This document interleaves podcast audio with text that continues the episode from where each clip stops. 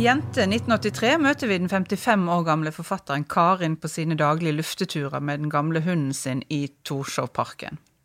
Karin er ramma av depresjon og angst, og på disse turene så prøver hun å huske eller grave ut hva var det som skjedde med Karin 16 år i 1983. Da ble hun med eh, A44, en amerikansk modellfotograf til Paris, der han skulle ta bilder av henne til forskjellige motemagasin. Jente 1983 er andre bok ut i litteraturfestivalens egen podkast Lesesirkelen, der vi snakker om noen av bøkene til festivalaktuelle forfattere som du altså kan møte fysisk på Lillehammer til våren. Panelet består av de eminente leserne forfatter Pedro Carmona Alvarez, professor Tone Selbo og kritiker og forfatter Kaja Skjerven Mollerin. Jeg er Marit Eikmo, programleder og kunstnerisk rådgiver for Norsk litteraturfestival. Men først litt om Linn Ullmann. Uh, hun er en av våre aller største internasjonale forfattere. Uh, og siden debuten 'Før du sovner' i 1998, så har hun kretsa rundt temaer som hukommelse, identitet og kjærlighet. Ofte med nære relasjoner, familierelasjoner, som omdreiningspunkt. Og det ambivalente forholdet mellom mor og datter er tilbakevendende tema, og handlingen springer ofte fram og tilbake i tid, ofte gjennom flere generasjoner, der nettopp forholdet mellom minne og glemsel blir vesentlig. For Ullmann er glemsel et viktig redskap for diktningen, kanskje også en forutsetning, som hun sjøl sier det. Og jeg siterer. Glemselen åpner for fantasi og forestillingsevne for å spørre kan det ha vært sånn? Jeg er interessert i hvilke muligheter som ligger i glemselen, også for å huske bedre og Kaja. Dette sitatet det er det faktisk du som har skrevet i et intervju med Linn Ullmann for Klassekampen. Kan du si litt mer om hva som ligger i dette?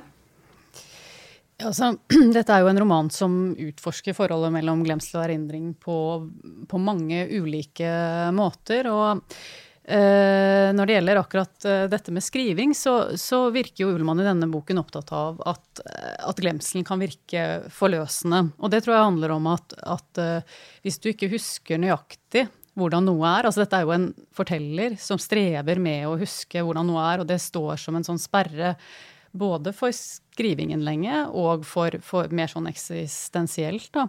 Men hvis du ikke husker hvordan noe nøyaktig er, så må du tenke deg til det. Altså du må forestille deg det, hvordan det kan ha vært. Uh, og jeg tror dette også er en bok som handler litt om hvordan man kan stivne i forestillinger om hvordan noe har vært. Altså hvordan det som skjedde, endrer seg over tid. Altså når du tenker tilbake på det som 20-åring, som 30-åring, som 40-åring, så er det helt ulike fortellinger som uh, kommer. Uh, så det tror jeg i hvert fall er én side ved det tror også det handler, eller sånn som jeg leser boken, også i stor grad om vegring. altså Hukommelse og glemsel, men eh, også vegringens eh, domene. Da. Det der at skrivingen til, eh, til Linn Ullmann, denne boken her, eh, og, og, Karin, som er forfatter, jeget eh, Dette er jo en episode som Linn Ullmann har vendt tilbake til flere ganger i bøkene sine, annet i den forrige boken der den, den dukker opp eh, i en liten passasje, om jeg ikke husker feil. Men, men, det her med at jeg vil ikke skrive det her jeg, Hun ljuger til forleggeren sin, til mannen sin, til vennene sine, sier at hun skriver på noe helt annet, og så er det dette her som da er eh, Som hun bruker tiden på, da. Gå tilbake til en, et eller annet slags sånn eh, traumesentrum, nesten, har jeg tenkt, uh, som da ligger uh, både Visse deler av dette er jo veldig, veldig, åpenbare og veldig tydelige for forfatteren, og visse deler er liksom dunkle. da. Og så er det snakk om å våge seg ned i liksom Ta trappa tilbake og se, og se hva, hva man da får øye på med denne avstanden som nå finnes mellom disse to. da. Denne jenta, 16 år gamle jenta og den, den 50 eh, år gamle kvinnen. da. Ja, nei, jeg tenkte på denne sammenbindingen av nåtiden og fortiden, som jo er vanskelig for alle. Det er jo liksom hvordan erindrer man sitt liv? Og det kommer jo også fram som eksplisitte tanker og refleksjoner i denne romanen. Altså det står et sted 'hvordan lever erfaringer videre', ikke som minner, men som glemsel.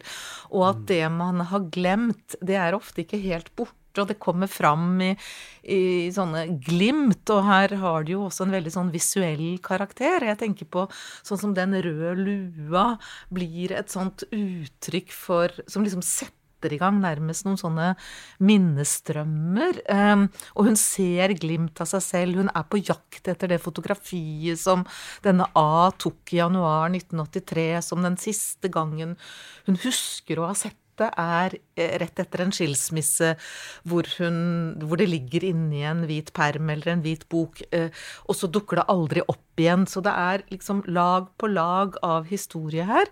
Eh, og det sånn er det jo i skrivemåten òg. Altså det er en fortelling, og hun er en veldig god historieforteller. Men historiefortellingen blandes med disse herre mer sånn brokkene, da. Eh, bruddstykkene, eh, minnefragmentene, kan man kanskje nesten kalle det. Mm. og jeg syns det, si, synes det er veldig godt gjort, altså. Og nå hadde jeg veldig glede av den forrige romanen De urolige. og der lyktes hun jo veldig godt, og det, der var formen en helt annen. Eh, og der gjorde hun det på en helt annen måte. Eh, men hun har liksom ikke slått seg til ro med det. Hun har gått videre og forsøkt på noe annet her. Og det var en av dere som sa, jeg tror det var deg, Kaja, at det var nærmest en sånn motvillig forteller. som har på en måte ikke lyst til å skrive denne, denne, fortellingen. Og hun er jo Vi er ikke sikre på om vi alltid kan stole på henne, og det gir eh, Eller fortelleren, da. Og det gir også teksten en veldig fin spenning. Og hun fremstiller jo også sitt eget jeg som litt sånn upålitelig, ikke sant. Eh, hun er deprimert, men hun orker heller ikke å liksom ta imot omsorg. Hun hun uh, sier et par steder uh, når datteren har skullet gå om morgenen, og jeg skulle ha hørt mer på henne, eller noe sånt. Altså, for, det er jo det tredje elementet her, at hun også har en datter på samme alder som hun selv var eh, i fortidshistorien. da.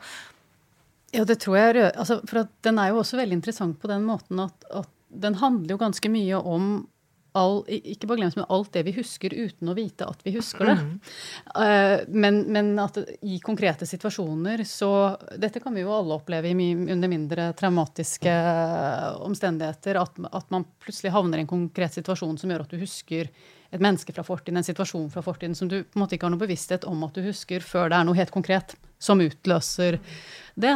Og det du bare tenkte på det nå da du sa dette med datteren, Tone, altså at, eh, at datteren datteren og eh, hennes alder blir på en måte litt sånn Prisme? Ja, ja på, eller det blir i hvert fall en, en, en viktig, viktig, faktor for at hun selv husker andre ting fra hun var på den alderen datteren var. Altså at, at, hun, at hun, ser f.eks. plutselig hvor, hvor små man er som, som 16-åringer. Altså at de, man er voksen, men likevel også barn.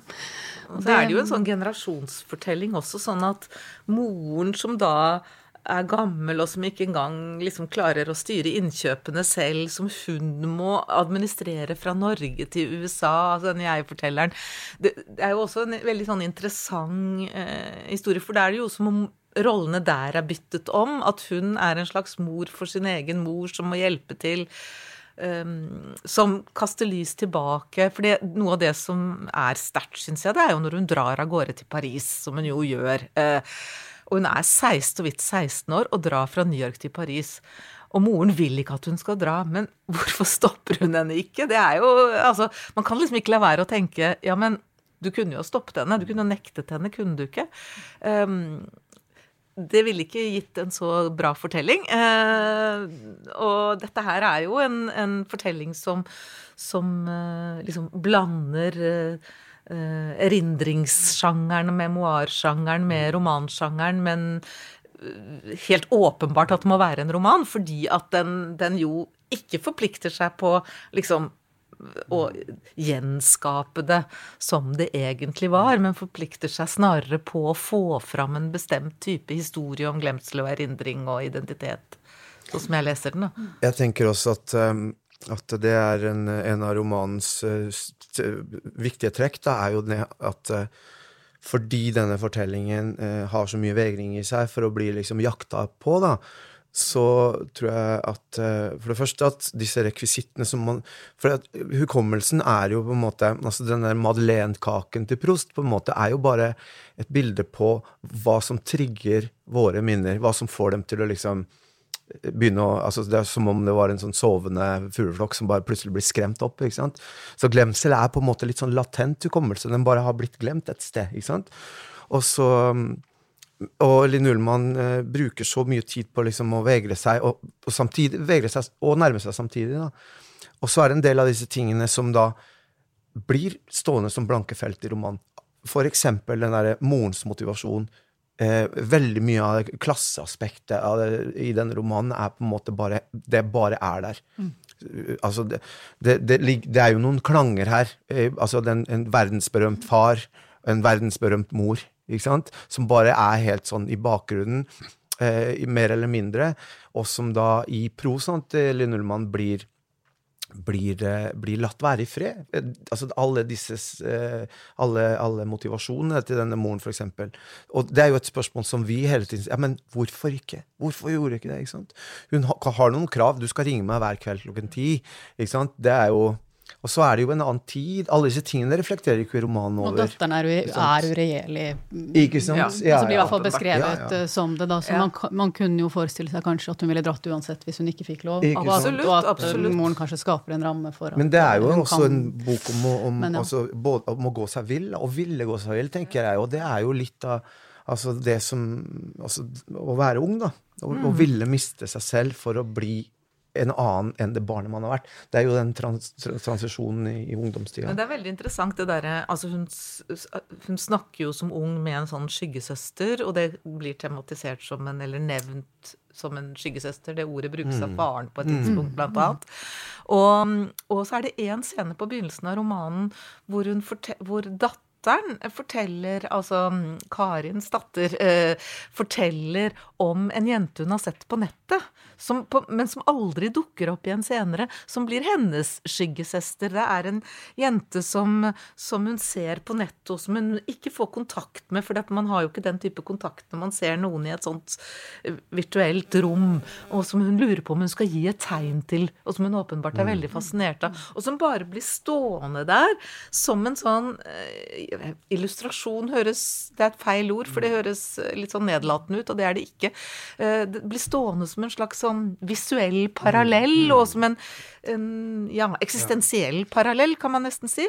Eh, og det er veldig fint, syns jeg. At hun ikke går inn og liksom lager den eksplisitte mm. forbindelsen for oss. Hun gir oss mulighet til å selv skape de forbindelsene mm. i mellomrommene. Mm. Og der er det jo også det at, at, moren Det speiler jo også det at moren er på jakt etter fotografi. Ja. Mm. Altså at det visuelle har jo i det hele tatt en veldig mm. viktig plass i denne, ja. denne romanen. Altså, mm, altså filmer, fotografier. Eh, og alt dette linser, har Linser, ja, ja. perspektiv, optikk. Mm, mm. Eh, og alt dette har jo også å gjøre med, med tid. Mm. Altså hva som, hva som, kan fanges når, hva ser man i et, mm. i et bilde. Og jeg tenker dette fotografiet er jo eh, også Eller fotografi er jo ofte forbundet med Man tenker på det som et sånt memento mm. mori, altså tiden som løper, tiden som går. Og dette er jo hovedsakelig en roman som foregår i Altså det er et Altså, en eksistensiell bok foregår et slags som kammerspill med um, fortelleren og hennes familie, nære familie. Men, men uh, det man hører om samfunnet utenfor, jo, handler jo om pandemien. Det handler om mm. pandemien uh, i fortellerens nåtid, og det handler om pandemien som var på vei i 1983, som var den store aids-pandemien. Så døden og, og, det der med, med altså lunger og, mm. og, og hjerte og sånn pustevansker, alt som blir altså vitale organer som blir angrepet, mm. er, er jo, ligger jo som et sånt um, mørkt bakteppe der, som er ganske subtilt og, og uh, fint gjort. Altså dette med at de små historiene alt henger sammen med, med den kammerspillanalogien syns jeg er kjempefin. For det er jo nettopp dette innestengte som det kjempes mot hele tiden. Og hvordan finne sprekker i det innestengte. Og veldig interessant det du sier om parallellen til aids-epidemien. For det igjen er jo også noe som bare kommer som glimt. Mm. Uh, eh, med denne klassekameraten som plutselig blir borte, og det er noen få andre også sånne glimt eh, til en tid som også står overfor noen store kriser, da. Jeg tenker ja, et kammerspill i så fall i et slags speilkabinett. Altså, dette her er jo befolka med Altså, Karin er jente og kvinne samtidig. Datteren er barn og 16-åring samtidig. Moren er gammel og ung samtidig. Faren er gammel og ung samtidig. Død og levende samtidig. Det er enormt mange sånne, sånne vridninger Eller sånn, eh, hva skal man si at, at, menneskene på en måte finnes i alle sine fasetter, da, og er mulig å liksom hele tiden hente fram i dette, i dette Hva er det hun kaller det? Hun kaller det vel for et slags eh, et, eh, altså når hun sier at glemselen er større enn minnene, så kaller hun da dette arbeidet, minnearbeidet som et for en opprydningsprosess et eller annet sted. ikke sant? Så det har med å rydde i, i livet, tror jeg. Og så forsøke å definere noen ting, og så se Kanskje ikke Og ikke bare sette ting på plass, men også se, som du sa innledningsvis, Kaja, men hvordan, hvordan fortiden forandrer seg etter hvert som man blir eldre og begynner å se på den fra forskjellige vinkler. da. At den har liksom stråler andre ting eh, mot deg enn den gjorde før. da. Jeg bare tenkte på at dette med glemsel og erindring som vi snakker om nå, det handler jo også om uh, hva vil det si å ha hemmeligheter? Mm. Uh, og alle mennesker har jo hemmeligheter. Og her handler det også om hva skjer med hemmelighetene når uh, de kommer fram i lyset og mm. sprekker? Hva skjer med dem når de er knyttet til et type fellesskap og ikke deles lenger. Det er jo en sånn klassisk maktmekanisme han utøver denne av, hvor han sier jo vi har noe helt spesielt sammen, du og jeg, men vi må ikke si det til noen. Uh, og den voksne fortelleren skjønner jo godt hvorfor dette må holdes hemmelig, fordi at dette er uhørt at han skal liksom dra nytte av henne. Uh, mens den unge skjønner jo ikke det, naturlig nok. Og det står et sted, syns jeg er veldig fint, at noe sånt som at hvis han ikke lenger husker henne, for det spekulerer hun jo over som voksen. Hva hvis jeg skrev til han nå, eller oppsøkte han, eller hun, hun finner jo bilder av ham på nettet med familien og sånn. Hva, hva, er det fremdeles deres hem, felles hemmelighet hvis han ikke lenger husker det? Da er det vel bare hennes hemmelighet. Og hva er den da verdt? Eh, eh hva, hvilken status har den da?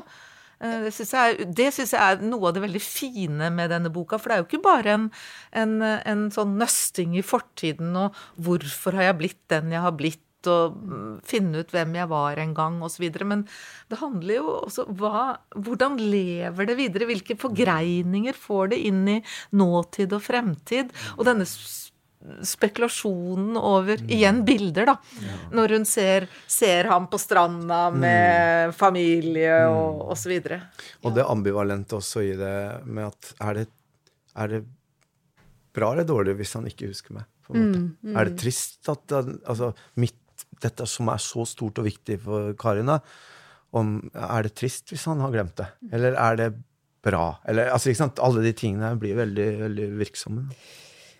Og det er jo også litt sånn i forlengelsen av det dere sier nå. For meg er det også en roman som handler mye om ensomheten i kjærligheten. Altså, altså apropos dette med hemmeligheter, Altså at de hemmelighetene man har for, har for sine nære altså det, Og da tenker jeg i kjærligheten med denne A, men også med moren. Ikke sant? Altså at det, det Hva man kan fortelle og ikke, hva man kan dele og ikke, det er Og hva man og hvilke hemmeligheter, ikke minst, man må ha for seg selv. Mm. Altså, det vil si de, de, tingene som på en måte er for vanskelige å bære med seg som noe husket. Mm. Uh, og vi snakket jo om Ali Smith sin uh, roman i, i forrige, uh, forrige, runde, og det er jo noen forbindelser mellom de to romanene når det gjelder dette med glemsel og erindring. altså Tenk på den der lille, den der lille passasjen i, i Ali Smiths høst hvor Daniel snakker om at, at, eh, at, han bærer med seg det han har glemt, men gjerne vil huske, som, som, som en fugl som han bare har lagt inntil ikke sant? Som har lagt inntil, mm.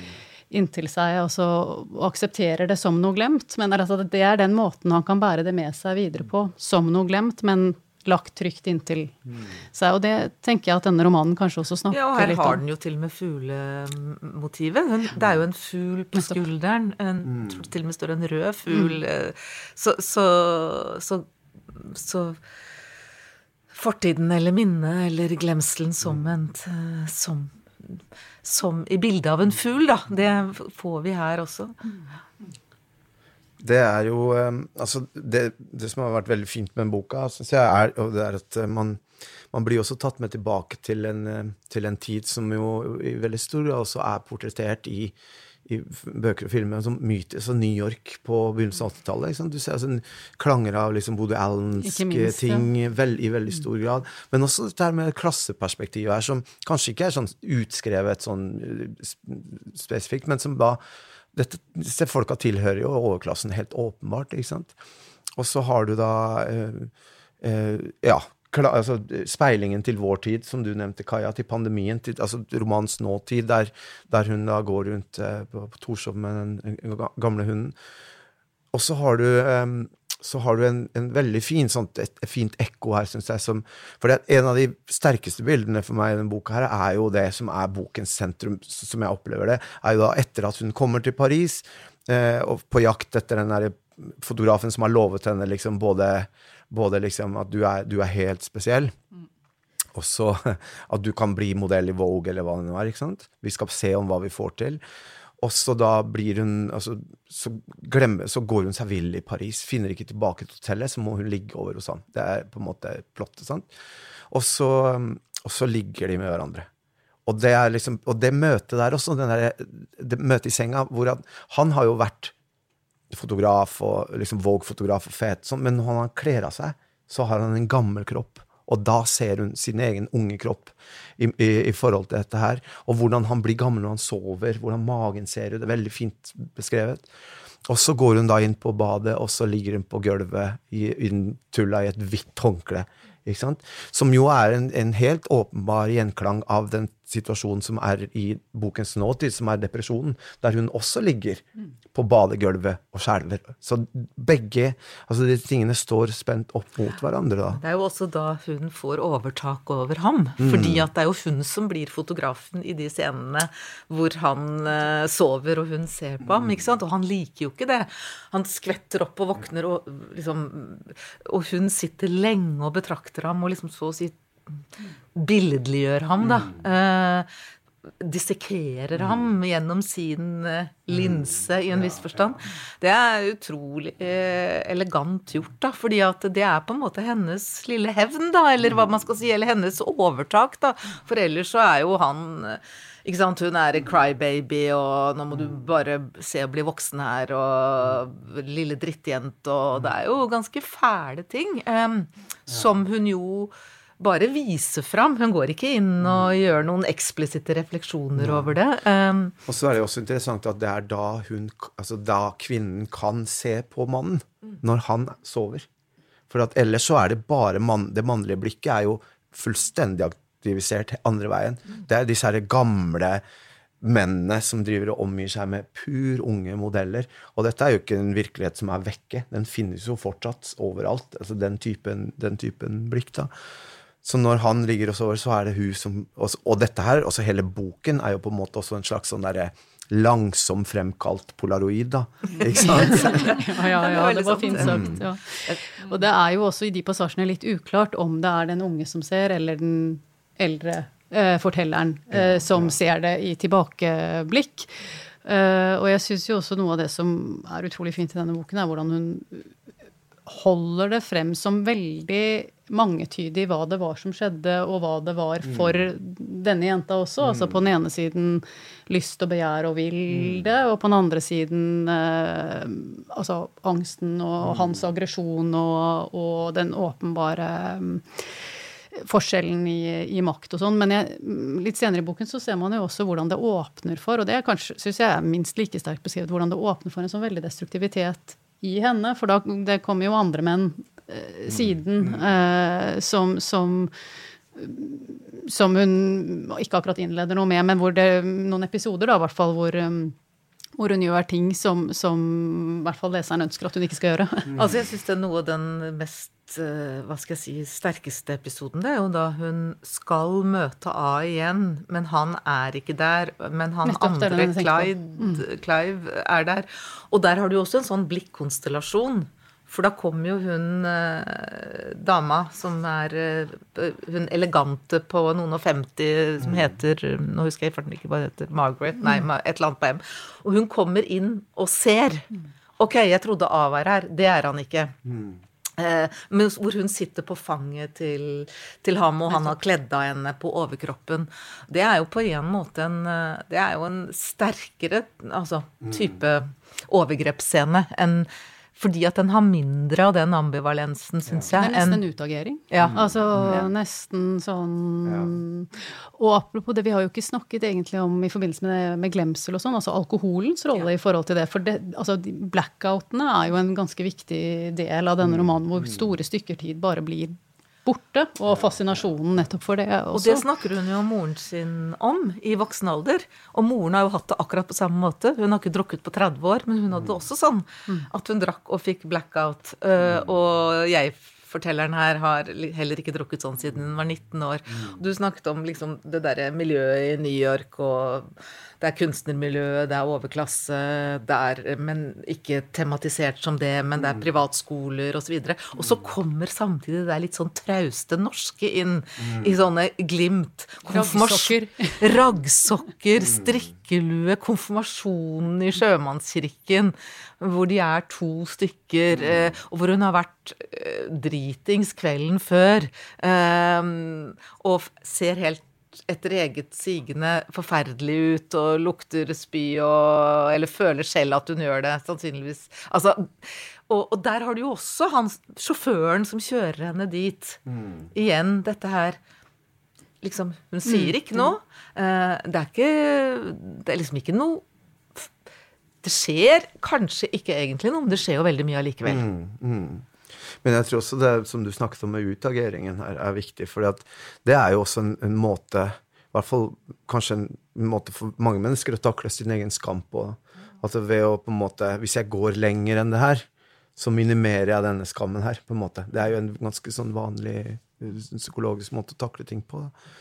Og, eh, men eh, jeg tenker jo at eh, jeg er opptatt av, eh, som dere vet, av, av liksom hvordan ting samtaler med hverandre. Og denne boken her, da jeg leste den, så var det første som slo meg, er jo hvor eh, Det er to ting, og det, ja, dette er med denne skyggesøsteren, som jeg syns er en veldig fin måte å, å måte For det, dette her med fantasivenner er jo noe som hører barndommen til for mange. Også, sant? Man, også, og den her eh, skyggesøsteren har jo vært til stede i livet til denne Karin da hun var barn. Det har vært en hjelper, en slags ånd, en slags sant, sammensvoren i, i dette litt store, ensomme livet, kan vi tenke oss, sant? med to verdensberømte foreldre, og så lever barnet midt i en sånn slags vakuum av, av liksom velstand og, og reising og, og fremmedhet. da.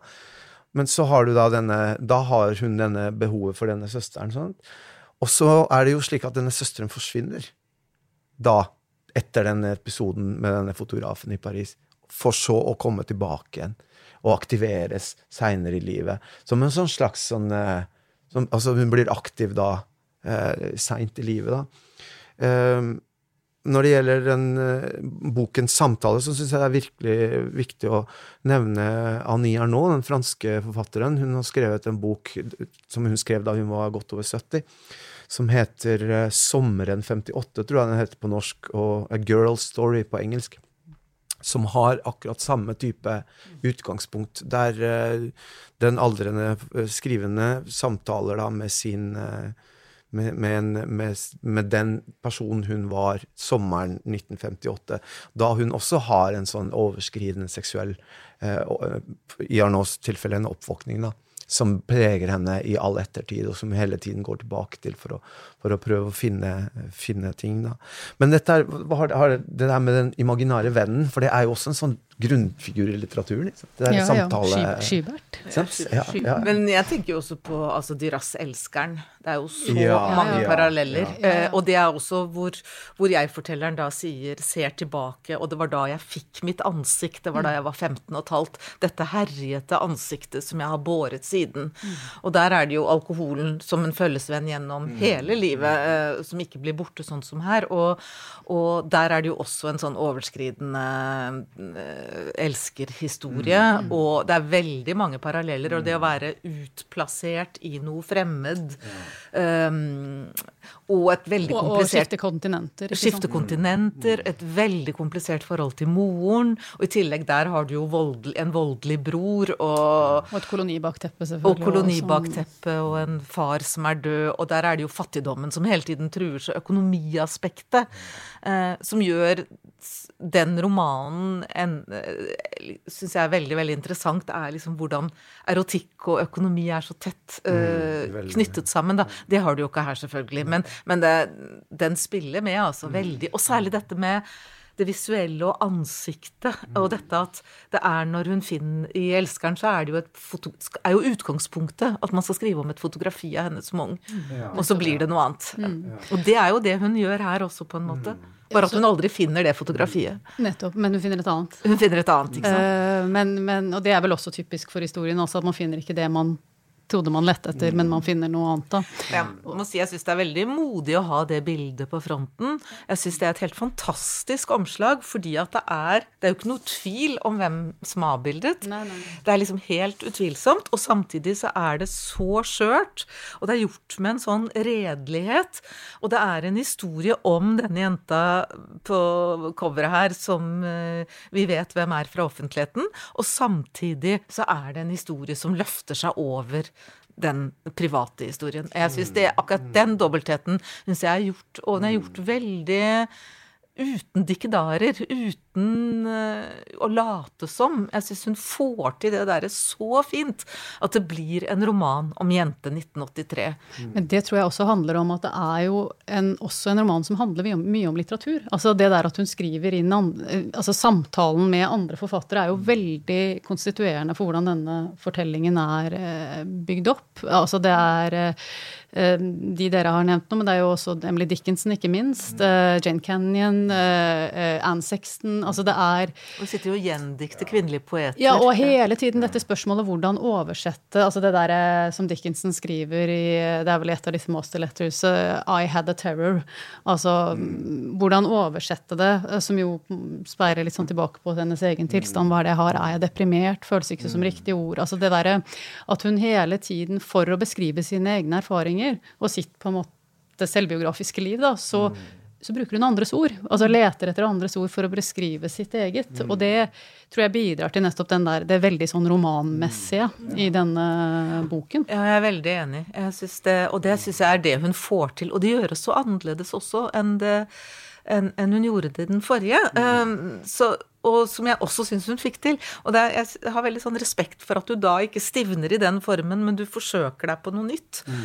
Uh, og her blir det også å forsøke seg på noe som man ikke får til i store deler av, av uh, teksten, eller gir uttrykk for at dette er kjempekomplisert. Det blir del av uh, selve romanens styrke, da.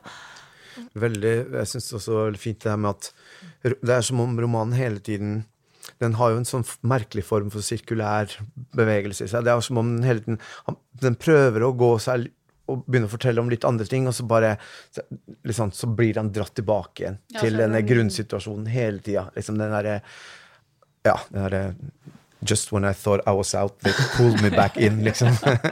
Som, og så går hun jo og ser på vintersirkling på himmelen, sant? Ja, ja, og kaller det vel et, på et tidspunkt en, altså, hele komplekset for en mm. sirkel av angst og mm. noe mer. Og, og angst bare, og uferdige historier. Ja, og sånn, også vil jeg, jeg som, som, eh, som, dyrevenn vil jeg jo også nevne at eh, en eh, fantastisk sånn hundeteknisk mm. briljant roman. Altså noe av det mest, noe av det fineste. Mm her også, er jo det at Altså den Det vesenet som er hennes følgesvenn mm. i, i, denne dype, dype depresjonen, der hvor hun har stengt ute mann, familie, forleggere, skriving, alt, er da et aldrende dyr mm. som, uh, som uh, går og drikker vann, mm. ikke sant, og så vidt kan gå.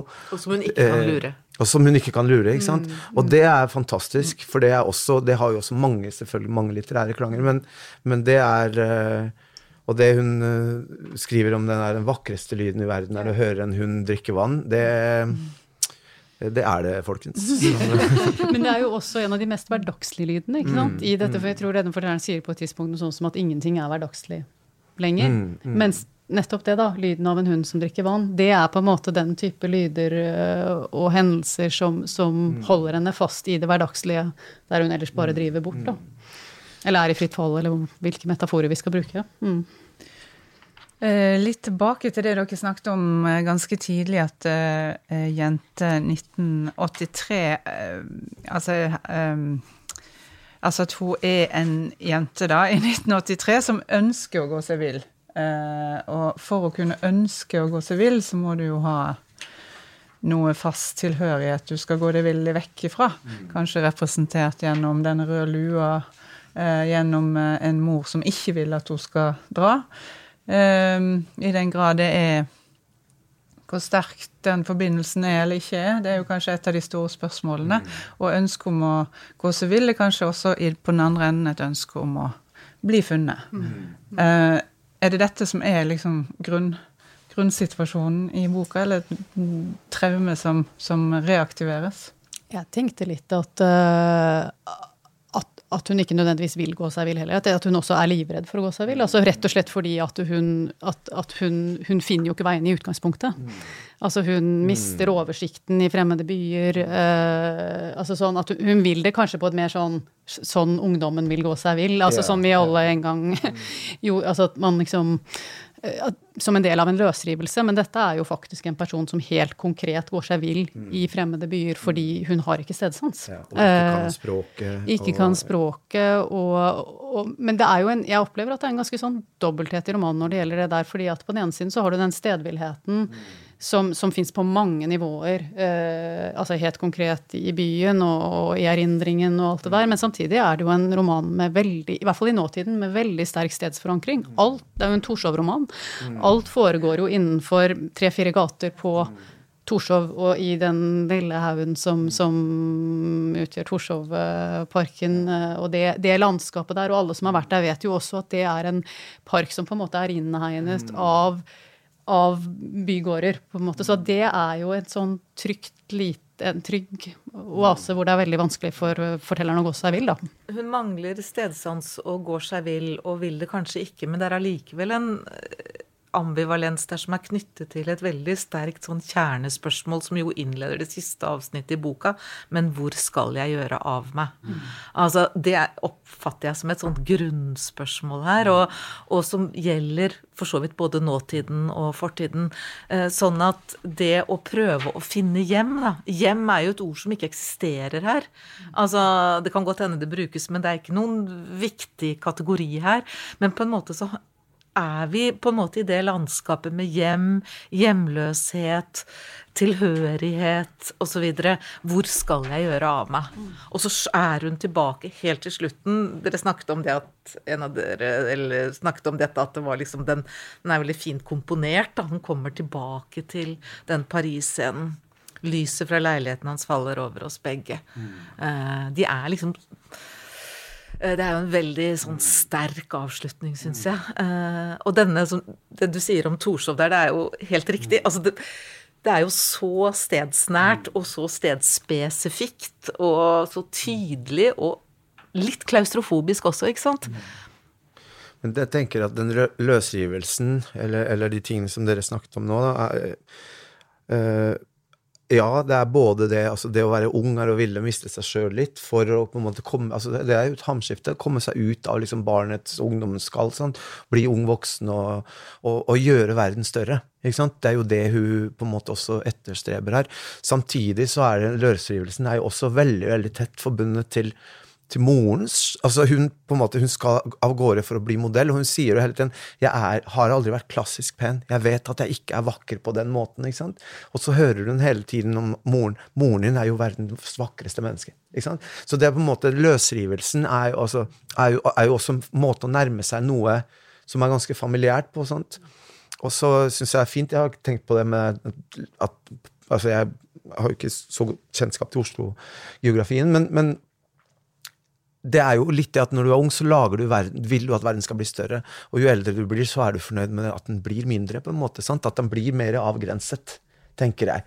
Og det også for moren, da. Denne moren som da er da verdens vakreste kvinne, superstjerne, eh, lever et sånt New York-sosietetsliv på begynnelsen av 80-tallet. Og nå, som aldrende kvinne, så sitter hun inne, inne i et hus i en pandemi og klarer ikke å handle, så hun må Med en mann som ikke svarer henne. Med en mann som ikke svarer henne.